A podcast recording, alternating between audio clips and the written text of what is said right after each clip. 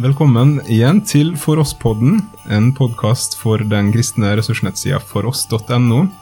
Eh, og Jeg sitter fortsatt med Janet Seierstad og Temesgen Skibrugalla og snakker om teksten for kommende søndag, eh, Johannes 16, 21-24. I går så snakka vi om eh, følelser og følelsesspekter.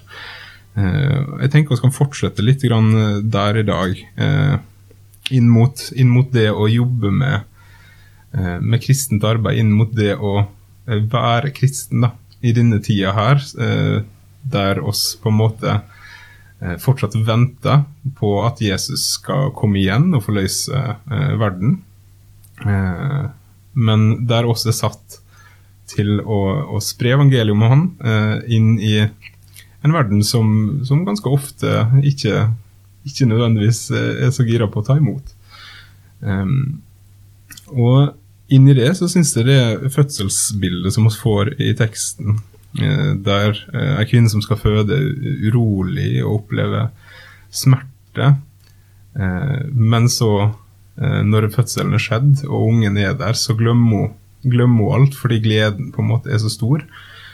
Så for det er det meg til å tenke på de gangene jeg har fått være med og oppleve at noen har tatt imot Jesus.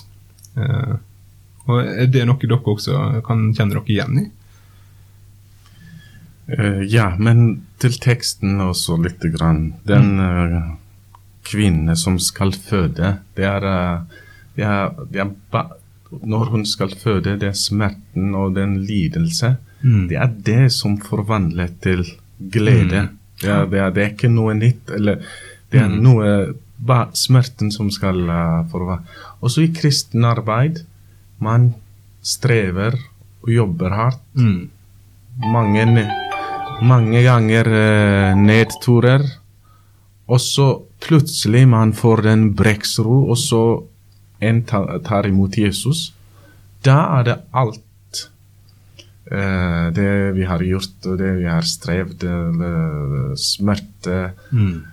Vi tenker ah, det er verdt at uh, vi, har, vi, har, uh, vi, har, gått gjennom det. Så det er, det er stor, stor glede etter hvert.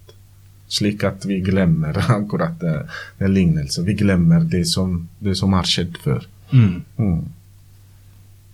Ja, jeg tenker også at når vi, når vi hører vitnesbyrd av noen som har kommet fra en annen religion, og så har fått oppleve Jesus og, og hans frelser og, og, fred som han kommer med, at de, uh, at de blir så forvandlet Eh, det smitter over til oss. Mm. Og vi får se et nytt gudsbilde.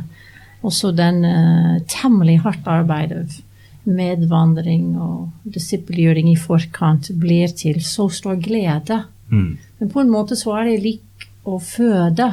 Mm. Det blir veldig mye glede når barnet kommer.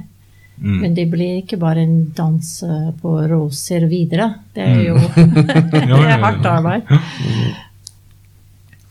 Og um, jeg tenker på uh, ikke bare i møte med uh, folk som, som, ikke tar imot det, men sånn generelt uh, i kristenlivet. Og som du sier, når vi får høre vitnesbyrd om at folk har tatt imot, at det, det, gir oss på en måte en som påminner om det store som vi får lov til å være med på. da.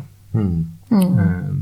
Jeg skal sjøl nå i desember få lov til å være med eh, under dåp av ei jente i 20-åra i menigheten der jeg, jeg jobber. Eh, og det er sånn, det skjer ikke hver uke på en måte i mm. misjonssalen eh, at, eh, at folk kommer og sier hei, jeg vil gjerne bli døpt fordi jeg begynte å tro på Jesus. Um, og, så, så, sånne påminnere da, eh, mm. om eh, det, det, store som oss får lov til å være en del av og være med på. Eh, og at det fortsatt er kraft i evangeliet til å forvandle menneskeliv. Det, det gir en sånn, sånn glede som, som, kan være sårt, sårt tiltrengt, eh, egentlig, inn i, inn i det dagligdagse. Mm. Eh, takk skal dere ha. I morgen så er vi tilbake og snakker videre om denne teksten.